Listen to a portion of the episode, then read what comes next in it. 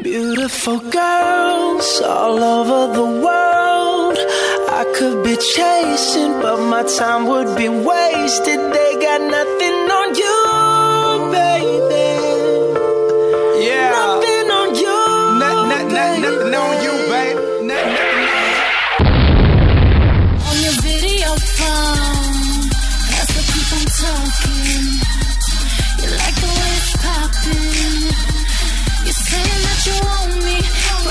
baby, feel. You want me, you can watch me on your video phone. Uh, uh, uh, uh, uh, uh.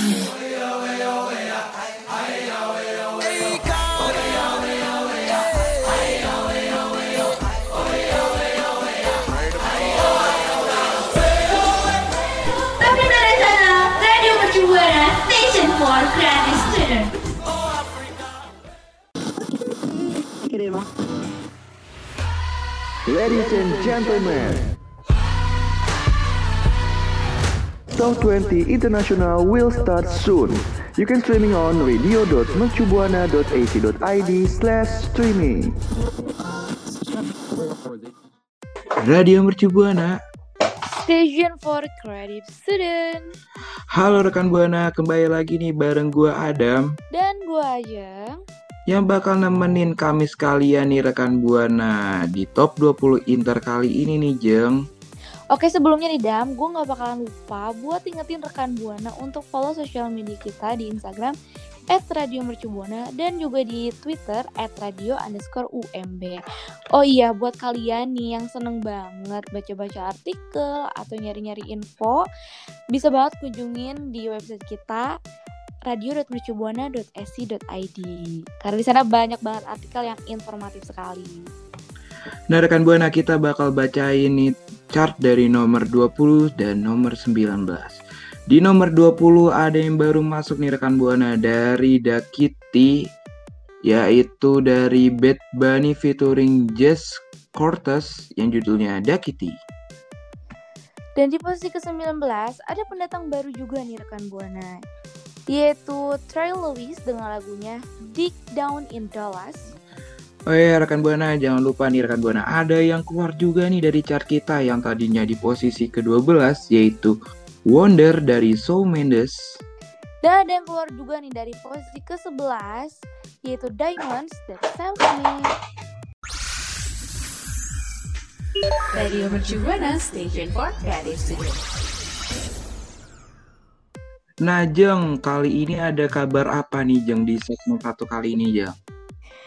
Nah nih gue mau bawain berita soal tadi tuh pendatang baru yang lu bacain tadi nih Bad Bunny.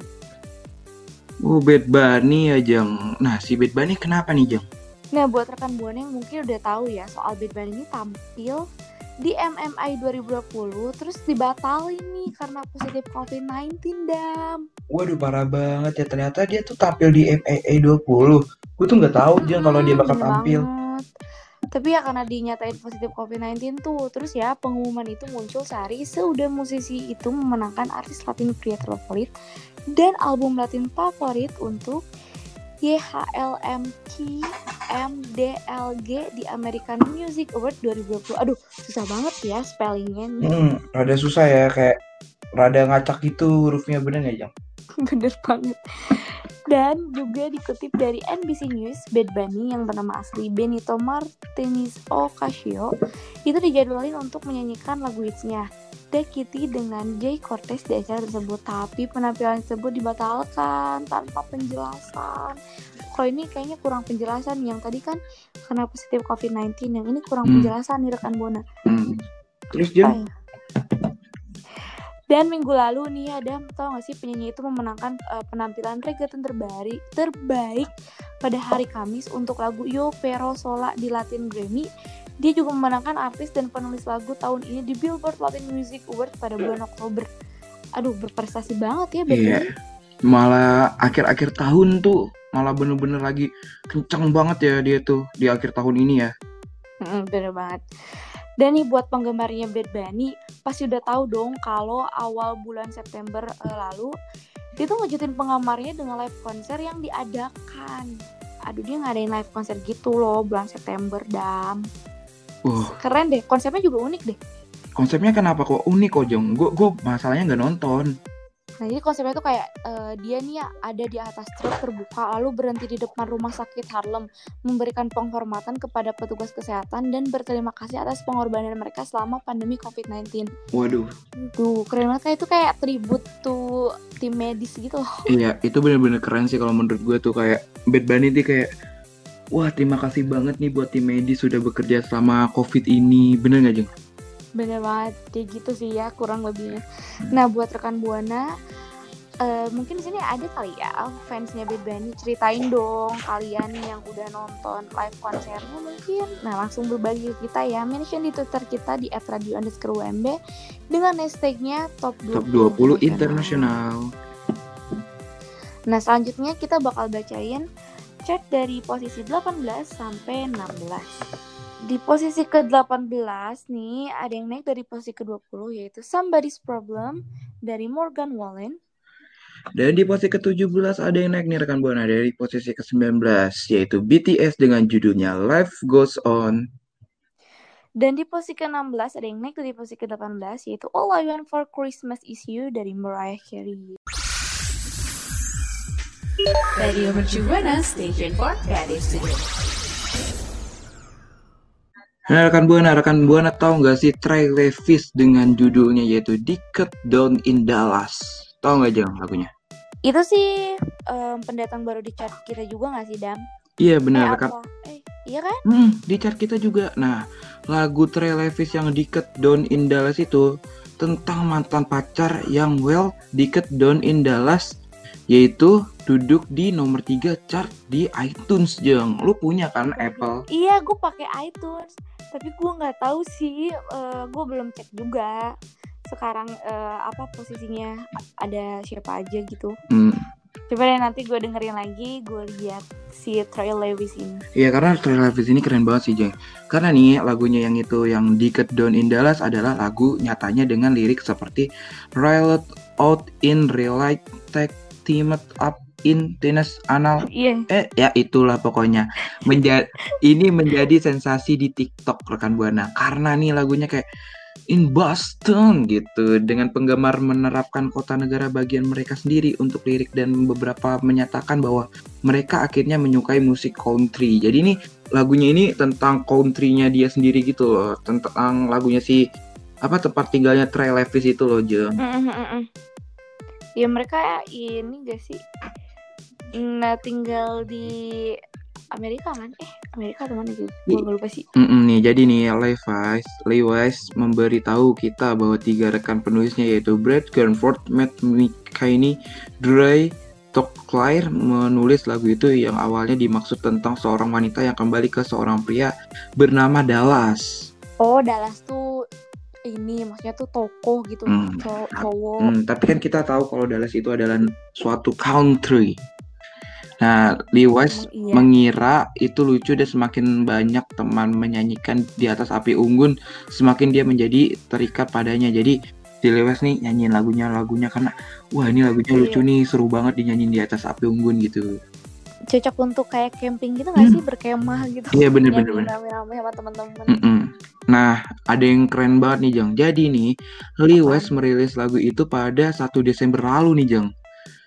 Dan segera mencapai nomor satu di chart semua genre iTunes dan meskipun dia telah menulis dan tampil sejak 2012 lagu ini telah mengubah hidupnya dengan cepat dan cepat hanya dalam seminggu jadi pas tanggal 1 pas sudah sekarang nih Hmm. tanggal 15 nih udah nomor satu di chart iTunes nih di tanggal 17 nih rekan buana Waduh itu gokil banget sih. Gue juga kenapa gue gue nggak tahu ya. Padahal gue pakai iTunes. Tapi emang kayak selama ini tuh gue kebanyakannya dengerin di YouTube gitu loh. Karena biar kayak cepet. Terus gue juga pengen lihat eh, Videonya ya? music videonya Mm-mm, bener. bener. Mm, ih, Nah, mungkin lu kurang buka chart-chart iTunes kali Jeng karena kan kadang orang kalau dengerin iTunes kayak lagu yang dia suka doang gitu kan Iya sih itu bener. Mm-mm. Nah, tapi ini yang pertama dengan bakat komedi. Lagu-lagu sebelumnya sebagian besar tentang patah hati dan sesuai dengan narasi musik country yang lebih tradisional. Dia mengatakan dia tidak khawatir orang-orang hanya akan melihatnya sebagai penyanyi komedi karena dia tahu ada penonton untuk lagu-lagunya yang lain juga. Jadi dia tahu nih kalau ada market untuk lagu-lagunya yang lain dan market yang di Cat Down in Dallas ini juga ada marketnya juga. Jadi dia nggak takut kalau lagu-lagu yang lain gak didengerin atau cuma lagu ini doang yang didengerin gitu loh, Jeng. Iya bener sih, semua kan juga ada targetnya masing-masing, ada eh, penikmatnya masing-masing lah istilahnya kayak gitu. Tapi lagu yang Wall Lota Notin itu juga mulai sukses juga loh, Jeng. Habis lagu yang di Cat Down in Dallas itu loh. Nothing yang mana ya? Nah, kurang Aku nih. tahu, aduh. Nah, kurang nih. rekan Buana lebih tahu. Hmm, tapi di Cat Down in Dallas tuh belum dengerin juga, Jeng. Belum, Nah. belum denger Dick Down in Dallas. Nah nih, Lewis pergi ke perawatan narkoba dan alkohol ketika dia berusia 19 tahun dan belajar sendiri bermain gitar. Ketika dia sadar, jadi dia tuh main gitar tuh abis rehabilitasi, menulis lagu Hmm, iya, jadi has- healing Hmm, ya. benar, menulis lagu menjadi hasratnya dan membentuk hidupnya. Jadi dia tuh meng apa ya, biar nggak kayak gitu lagi dia kayak main gitar, nulis lagu gitu loh. Iya, dan ternyata tuh nulis gitar, eh nulis gitar, kok baik sih.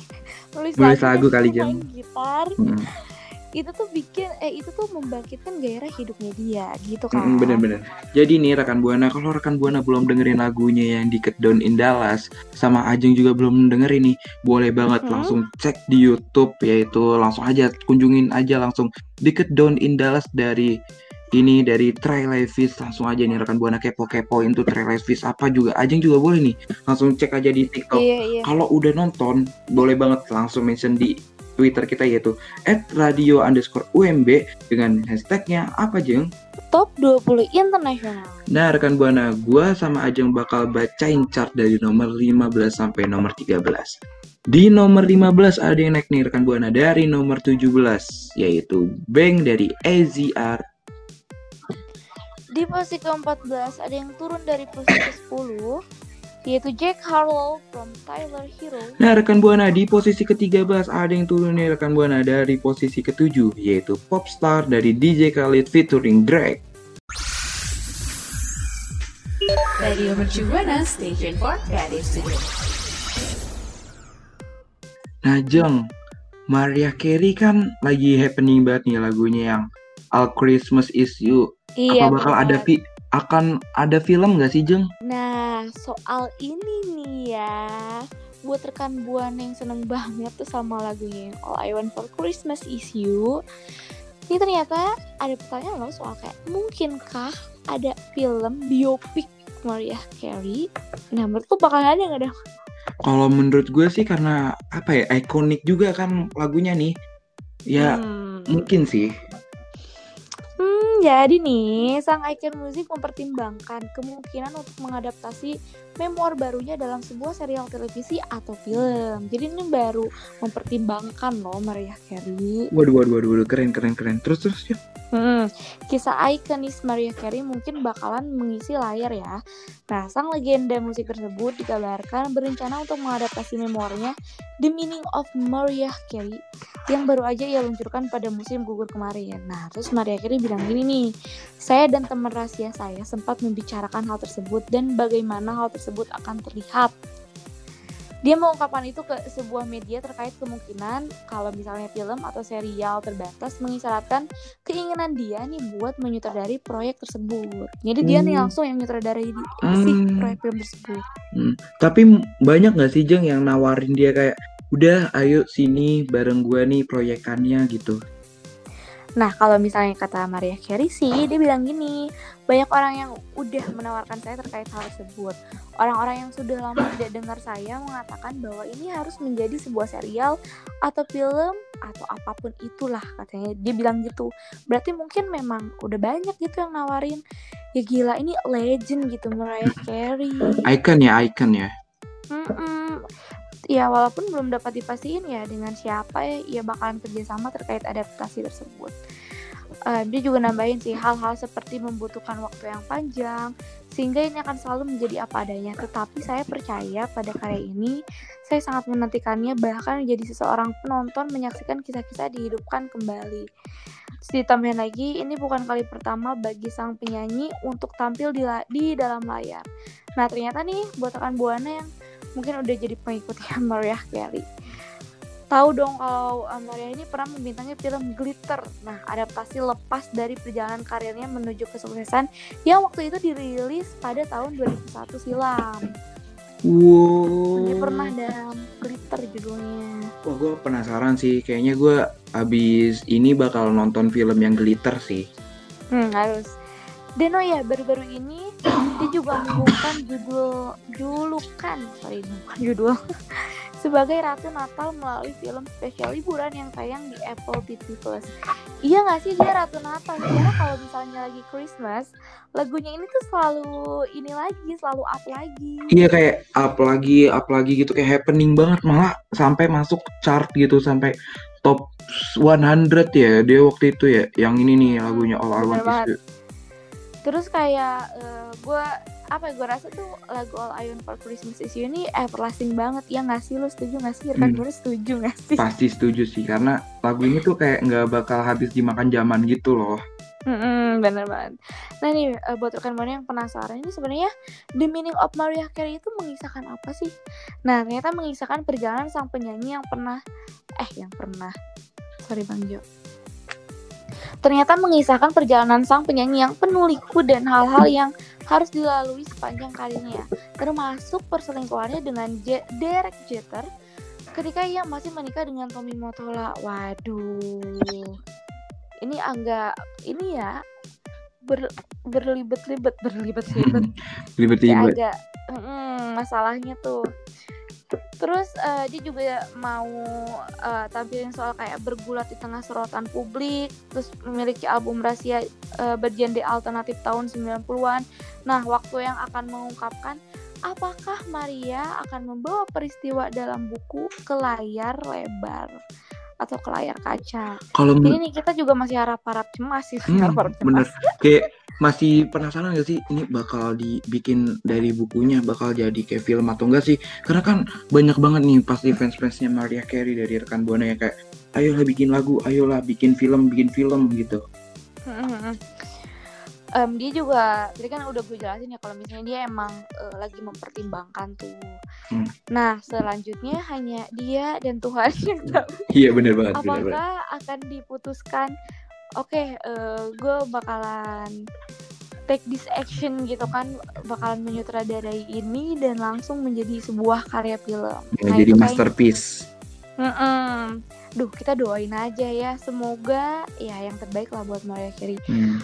kalaupun misalnya nanti dibuat film itu kan juga eh, bakalan bikin kita excited ya dan menunggu banget gitu Ken White banget ini filmnya pasti bakalan eh, keren sih tentang perjalanan hidup dia iya bener Jang nah jadi buat rekan buana yang mungkin masih nunggu dan penasaran juga oke langsung ditunggu aja kali ya.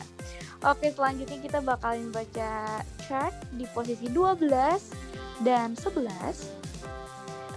Di posisi ke 12 ada yang naik di posisi ke 16 yaitu Hey Boy from Sia. Di posisi ke-11 nih rekan Buana ada yang naik dari posisi ke-15 dari Ava Max yang judulnya My Head and My Heart.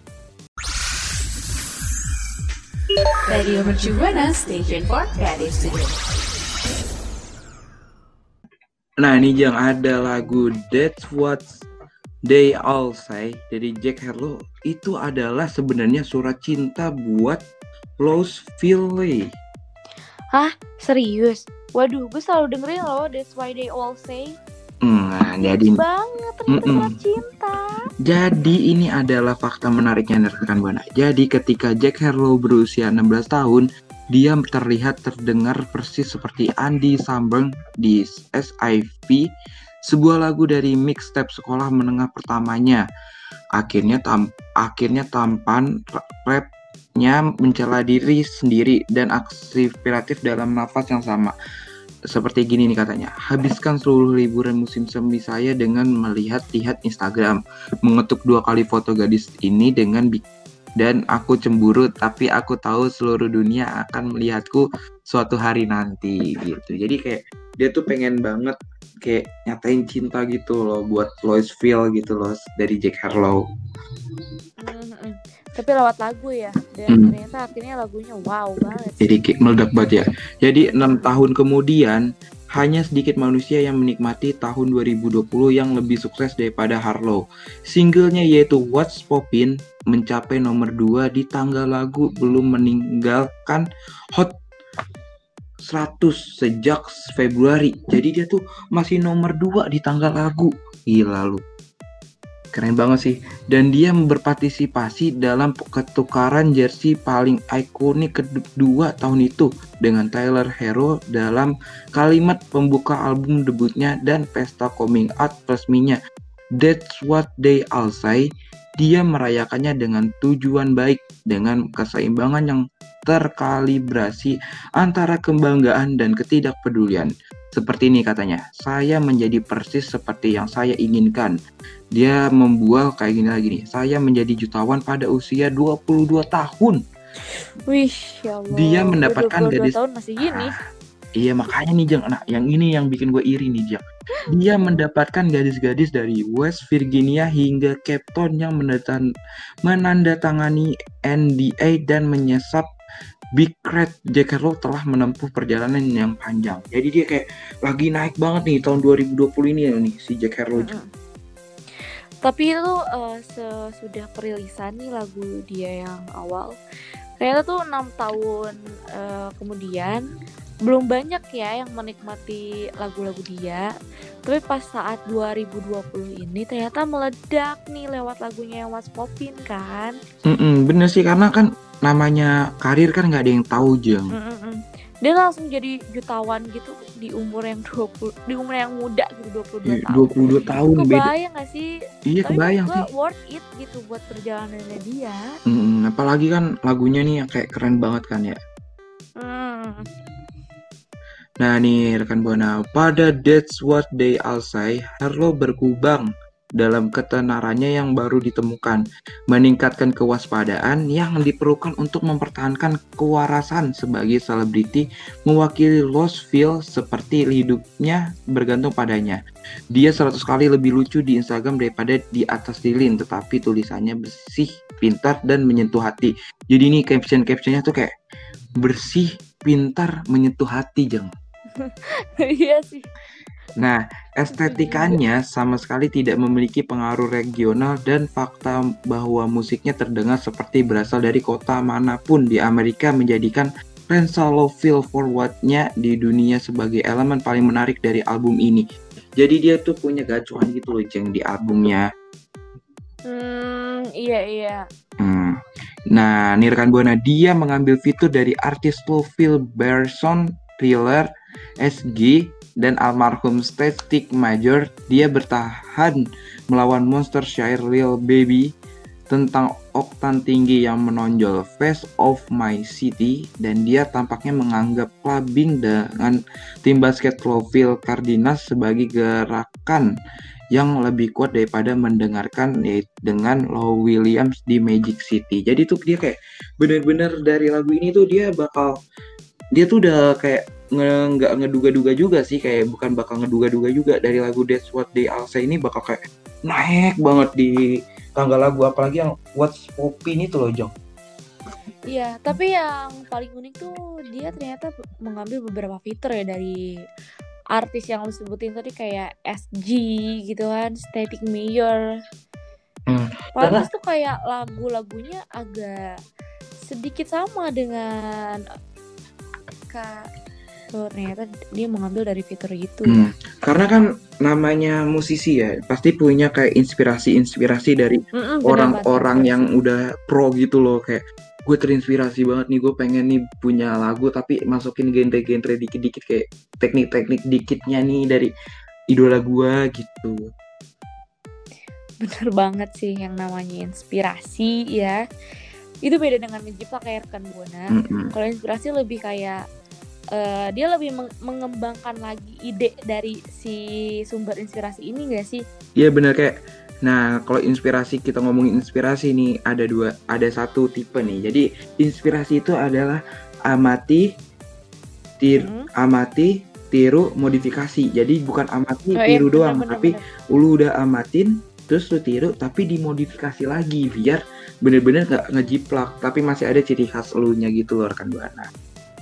Ini gue setuju banget sih, waduh. Ini mungkin buat rekan Buana di rumah ada yang menjadikan Jack Hello ini sebagai inspirasinya. Bisa nih ya langsung cerita ke kita juga kali soal inspirasi rekan Buana yang lain dalam hal bermusik nih. Langsung mention kita ya di Twitter kita @radio underscore UMB dengan hashtagnya Top 20 Internasional. Nah rekan buana kita bakal bacain nih chart dari nomor 10 sampai nomor 8. Di nomor 10 ada yang turun nih rekan buana dari nomor 8 yaitu Fake dari Love featuring Conan Gray.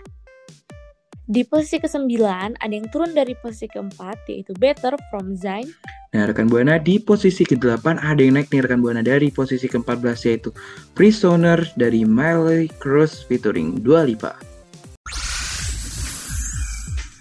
Radio Mercu Buana Station for Creative Studio. Dam dam mau nanya dong. Nanya apa tuh? Lu udah lihat ini gak sih anaknya Zayn Malik? Anaknya iya yang Malik. sama Gigi Hadid. Mereka kan baru punya anak. Udah udah lihat udah lihat juga tuh. Iya gemes banget kan. Tapi Parah. ngomong-ngomong nih ya kan Buana, gue nggak bakalan bahas anaknya Zayn Malik nih. Mm-mm. Tapi soal pesta pernikahan adiknya Zayn Malik yang dibubarkan polisi, tuan rumah kena penalti. Wow, ya? Kenapa Jadi tuh si adiknya rekan adiknya Jen Malik kenapa tuh Jen kok bisa sampai dibubarin? Iya jadi ya pesta pernikahan adik Zayn Malik ini berakhir berantakan. Terus polisi setempat mengubarkan pesta pernikahan Waliyah Malik dengan sang suami setelah mendapat laporan dari warga sekitar yang terganggu. Nah, jadi pernikahan ini tuh digelar di rumah kakaknya, Safa, tanpa dihadiri oleh Zayn Malik. Tercatat sekitar 40 orang menghadiri acara tersebut. Padahal lokasi tersebut sudah dikade, dikade, dikategorikan, aduh beribet juga nih ya kan Buana Santai-santai yang santai. udah dikategorikan tier 3. Jadi otoritas hanya membolehkan warga menggelar pernikahan yang dihadiri dihadiri maksimal 15 orang dan tak mengizinkan adanya resepsi. Waduh, ini salah juga sih. Mereka over capacity nih. Iya, kayaknya over capacity sih Jeng sampai 40 orang kan. Yang sebenarnya Iya, di sini cuma resepsi, 15 dan orang. kan nggak boleh ada resepsi. Mm bener sih, parah sih. Terus terus dia?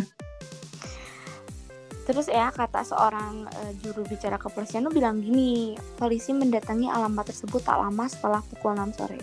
Sabtu malam merespon eh, sebuah laporan tentang adanya pesta besar. Oh, jadi tuh mereka langsung on the way tuh ke sana memastikan bahwa benar tidak ada sebuah pesta besar atau enggak gitu loh. Hmm. Terus polisi juga menyatakan sejumlah orang yang terlibat dalam pesta tersebut dikenai denda. Mereka juga bakalan dihukum karena udah melanggar aturan pembatasan untuk mencegah penyebaran COVID-19. Waduh, bandel sih ya. Iya sih, dihukum. emang bener-bener COVID-19 ini kayak semua bikin ribet banget gitu gak sih? Yang kalau kata gue sih mending dipending aja dulu buat tahun depan gitu. Siapa tahu tahun depan udah nggak COVID-19 kan? Amin rekan buana. Amin banget sih. Iya, gue juga tahu kayak ini tuh nyebelin banget, tapi please dong, hatuh. Itulah at atuhi gitu loh peraturannya. Jadi tuh biar cepet-cepet selesai. COVID-19 juga. Oh iya dan ada satu lagi nih. Ini kayaknya bikin shock banget sih rekan Buana juga. Jadi pesta pernikahan ini diketahui berlangsung tanpa restu dari sang ayah maupun kakak lelakinya. Nah, tersebut tuh What? terlihat dari ketidakhari, ketidakhadiran Yasher maupun Zain dalam pesta tersebut. Waduh. Buana ternyata nggak dapet restu. Gak dapet restu tapi masih nekat. Mm-mm. Waduh, Udah nggak dapet restu, terus dapet penalti juga kan. parah sih.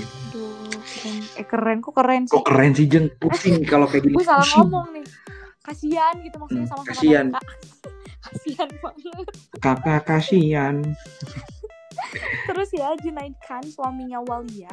Diketahui merupakan seorang narapidana yang baru menjalani hukuman penjara 5 tahun pada 2017 seorang sumber mengatakan bahwa eh, tidak ada yang gembira dengan pernikahan tersebut mengingat latar belakang mempelai pria. Aduh Oh, gue ngerti gimana sih ya. Gue mau sih berkomentar tapi takut salah nih. Gue ngerti sih. Kenapa nggak direstuin gue ngerti. Iya, tapi shit deh ya Hmm, iya. Diam dah. dah. Tapi em, di, di sini juga ada yang memberitahu soal kasus kriminal yang membelit yang membelit adik ipar Zain Malik itu berkaitan dengan pembajakan mobil seorang wanita tua yang lagi dalam perjalanan pulang ke rumah gitu. Junaid dan rekannya Adam Takolia diketahui membuntuti perempuan itu sejak dari Seton Kupra sampai rumahnya di Skipton. Waduh, ini kayaknya ini ya pembuntutan eh pembuntutan apa sih bahasanya? Pembuntutan kayak diikutin sih diikutin. Ya iya, diikutin gitu loh. Terus ya keduanya nih si Zunaid dan temennya Adam Takolia itu kemudian melompat keluar menggunakan balak lava dan langsung mengancam korban dengan obeng. Hmm, Hakim Jonathan Durham Hall mengatakan anda menargetkan perempuan rapuh yang lagi sendirian di rumahnya saat menyupir sendirian dan Anda membawanya paksa dengan tingkat keterampilan yang mengerikan. Waduh, takut banget. Ini harus jadi waspada sih buat rekan Buana. Mm-mm. kalau lagi sendirian di luar rumah ya nggak sih? Iya bener, jangan kayak jangan pulang-pulang malam-malam lah, karena malam-malam itu kan kayak nggak cocok, bukan nggak cocok sih, malah banyak ini nggak sih? Kayak kalau malam-malam pulang malam terus gitu, kayak banyak banget kayak inian eh, Eh, kejahatan, kejahatan, kejahatan. Iya kejahatan. Iya karena malam hari itu berpotensi lah untuk orang berbuat negatif. Dan gue juga kayak eh, langsung nge gitu eh, sadar ngerti kenapa si ayahnya dan kakaknya ini Zan tidak merestui eh, hubungan mereka berdua gitu pernikahan mereka berdua. Ya mungkin karena si mempelai prianya ada track record yang nggak mengenakan. Mm-mm, gitu itu loh. jeng maksud gue di Mm-mm. situ. Tapi ya gimana ya pilihan masing-masing gitu loh. Pilihan dia yang sudah seperti itu ya udahlah. Hmm. terima eh, beserta dengan resikonya. Nah Mm-mm. gitu ya rekan buana. Berita soal pernikahan adik Zen ini. Oke selanjutnya gue bakalan bacain chart dari posisi 7 sampai 5 di posisi ketujuh ada yang naik dari posisi ke-13 yaitu BYS from Keshi Di posisi ke-6 ada yang naik dari posisi ke-9 yaitu Backyard Boy dari Clay Rosencrantz. Di posisi kelima ada yang turun dari posisi ke satu, aduh jauh juga nih turunnya ya, yaitu Lost from Nicky. Radio Mercu Buana Station for Creative Studio. Taylor Swift bantah rumor bakal ada album baru lagi nih rekan Buana. Nah, ya, Tay- padahal gue berharap bakalan ada album lagi. hahaha. Nah, karena nih rekan Buana, Taylor Swift membantah bakal ada album baru lagi setelah ia merilis Evermore sebagai kejutan pada Jumat lalu. Ia menyebutkan rumor itu berasal dari kesalahan teknis dari dan Swift pun menegaskan ia telah usai merilis Evermore. Jadi nih dengan waktu dekat-dekat ini nggak ada kayak album baru lagi nih, Hmm. Jang. Iya, tapi emang agak sedikit aneh sih baru ngeluarin albumnya Evermore, masa ngeluarin album lagi.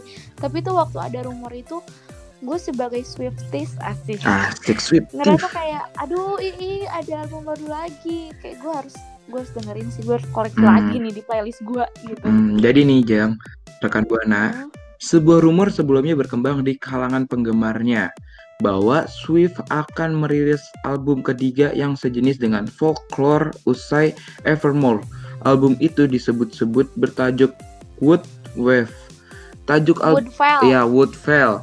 Tajuk album itu sendiri menun- muncul karena para penggemar menemukan nama tersebut secara tersembunyi di sebuah foto yang dirilis oleh Swift kala publikasi Folklore. Folklore. Ketika Evermore dirilis sebagai kejutan, nama Woodfell pun kembali jadi pembahasan. Jadi tuh kayak orangnya nih, fans-fansnya nih kayaknya terlalu pemikirannya terlalu apa ya? Future Iya. banget, future, future banget. ini terlalu berekspektasi Hmm, tinggi, tinggi, jauh banget, jauh. Udah, udah, udah, udah nggak dibahas lagi. Dia mau bahas lagi. iya ih soalnya nih ya gue tuh merasakan tuh kayak gini eh, tiap dia posting atau apa pun tuh kayak mengandung clue-clue apa yang harus dipecahkan gitu. Padahal mungkin dari dia sendiri kayak apa sih? Gue cuma pengen post doang. Iya bener. Nah, ketika Swift diwawancari oleh Jim Kimmel Senin tanggal 14 kemarin, ia mengaku bahwa Woodwell bukanlah judul sebuah album dan ia pun tak berencana merilis album kembali dalam waktu dekat. Jadi nggak mungkin lah rekan buana. Menurut Swift, ketika ia tengah menggarap folklore, dia tak ingin memberitahu siapa pun termasuk timnya dan manajemen soal judul album itu sampai sesaat sebelum perilisan. Kayak kata Swift kayak gini nih. Saya datang dengan sebuah kode nama palsu yang memiliki jumlah huruf yang sama dengan folklore. Pilih nama secara acak, saya pilih Woodfell. Nah, terus lagi nih Jeng lanjutannya.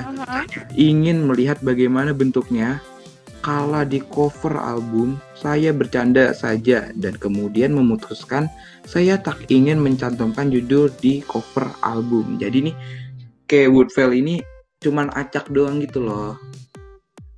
Iya, dan sementara tuh kita sebagai fans nyangka kayak wah Woodfell nih kayaknya bakalan jadi the next judul album selanjutnya deh. Padahal enggak. Hmm, jadi nih. Udah ngarep gue. Hmm, jangan ngarep, santai aja Jeng kayak nanggunya tuh santai-santai aja nih. Iya, iya, iya. Ketika ditegaskan lagi oleh Kimmel, akankah ada album ketiga? Swift menyebut dirinya tak akan merilis kelanjutannya dari album folklore tersebut. Saya amat lelah. Saya kata Swift, saya amat kelelahan. Saya sendiri juga sudah capek. Taylor Swift sebelumnya secara mengejutkan mengumumkan pada Kamis tanggal 10 bulan 12 kemarin malam waktu Indonesia bagian barat bahwa dirinya akan merilis album ke-9 yang berjudul Evermore pada jumlah pada Jumat tanggal 11 siang waktu Indonesia. Iya, iya, iya. Itu gue tahu yang Evermore itu. Tapi lu udah dengerin Terus- Evermore? Mm-mm. Wah, jelas. Iyalah kan sudah dirilis. Hmm, jelas itu mah. Namun, hal itu diakui oleh Swift tak terjadi pada album ke-9 ini. Kali ini ia masih menggandeng Aaron Dessert dan Jack Antonoff yang juga terlibat dalam album ke-8 yang dirilis Juli lalu, Folklore. Jadi nih, di album ke-9 katanya dia membuat albumnya itu untuk satu era nih, Jeng. Jadi, jangan arep bakal deket-deket ini ada album baru. Iya sih. Biasanya tuh ya Taylor Swift eh, yang kita tahu dia tuh ini loh ber apa ya, berstruktur gitu kalau misalnya ngeluarin album itu ada ada jaraknya ya mungkin per era gitu sih bener ya Nah, jadi tapi tuh kayak bikin yang si Wood apa Woodwell Woodfall, Woodwell, Woodwell. Woodwell. Woodwell Nah, itu. si Woodwell ini tuh kayak eh gak tau sih mungkin dia iseng. Kan tadi dia bilang dia bercanda ya. Itu bikin bi- makin bikin eh kita mikir kayak ini apakah judul album baru apa gimana? Tapi tuh biasanya dia nggak langsung ngeluarin album lagi. Makanya masih bertanya-tanya eh Hmm. ternyata beneran cuman rumor. Tapi banyak banget ya kayak Taylor Swift gitu kalau munculin album tiba-tiba gitu ya. Mm, Tapi gue kalau jadi penggemarnya Taylor Swift juga penasaran sih karena dia tuh asal nyebut doang gitu loh. Itu kan biasanya jadi clue gitu kan. Iya, iya. Makanya kita sebagai fans selalu yang kayak antusias gitu kalau misalnya dia ada apaan ya gitu. Hmm. Kita selalu tiba-tiba jadi cocokologi gitu loh di Twitter. Oh. Sih. Nah, rekan Buana, rekan Buana apa sama kayak Ajeng kayak menduga-duga kalau Woodfall ini bakal jadi album selanjutnya? Apa rekan Buana emang udah cocokologi apa udah punya pemikiran yang akan menjadi sebuah fenomena Udah ke depannya? nggak ada album lagi Mm-mm. kan ya. Album Nah, boleh banget. Nah benar, nah boleh banget nih rekan buana langsung mention kita ke @radio underscore UMB dengan hashtagnya apa jeng? Top 20, Top 20 internasional. Nah rekan buana, gua dan Ajeng bakal bacain chart dari nomor 4 sampai nomor 2. Di nomor 4 ada yang naik nih rekan buana dari nomor 6 yaitu Therefore I Am dari Billie Eilish. Di posisi ketiga ada yang naik dari posisi kelima yaitu Cardigan dari Taylor Swift. Di posisi kedua nih rekan Buana ada yang naik dari posisi ketiga yang tadinya di minggu lalu yaitu Position dari Ariana Grande. Radio Mercu Buana Station for Creative. And the winner on this week is Ice Cream from Blackpink featuring Selena Gomez yang minggu lalu ada di posisi kedua. Waduh rekan Buana ini udah sampai ke closing nih ya. Dan it's time to me and Adam for ya gimana ya Adam bilangnya kita mau undur suara nih sedih. Iya, kita bakal undur suara ya Jeng. Apalagi siaran ini siaran yang terakhir di tahun ini Iya. ya, Jeng. Di semester ini nih siaran terakhir kan Buana. Aduh. Sedih Sampai sih. jumpa di semester depan kali ya. Mm-mm. Dengan Buat penyiarnya. Buana nih, tidak tahu. untuk eh, fokus ke uasnya ya. Mm-mm. Di Januari kan Iya. kita masih uas nih rekan buana. Jangan lupa nih kita harus fokus banget nih. Dan jangan lupa nih untuk dengerin radio Mercu Buana terus. Nah buat rekan buana jangan lupa nih follow sosial media kita di Instagram di @radiomercubuana dan di Twitter kita di @radio underscore UMB. Nah rekan buana juga jangan lupa nih untuk baca-baca web baca-baca artikel kita yang keren banget nih di website kita yaitu radio.mercubuana.ic.id nih rekan buana. Dan gak lupa kita bakalan say thanks to nih buat label yang udah memberikan materi ke Radio Mercu Buana. Thanks to Universal Music Studio Sony Music Entertainment. dan Warner Music Indonesia. Nah Jeng, bentar dulu Jeng. Apa nih? Kita juga punya akun media sosial yang bener-bener keren banget sih Jeng. Bakal bikin nostalgia banget. Apa tuh? Nah, di Facebook kita juga bisa ada juga nih rekan buana. Langsung aja cek di Facebook di Radio Mercu Buana juga nih Jeng. Oh iya bener Facebook rekan buana. Jangan Iya. lupa ya, mungkin juga rekan buana kayak eh tag ke akun kita ya soal topik internasional lah banyakin Mungkin aja. atau kesan-pesannya mungkin Mm-mm. selama kita nih mengudara. Iya. Aduh, udah selesai Aduh, aja semester ini. Iya. Dadah ada. Dadah Jeng. Oh iya rekan buana, gua ada pamit undur suara. Gue Ajeng pamit bersuara. See you rekan buana di semester depan. Radio Mercu Buana Station for Creative Studio.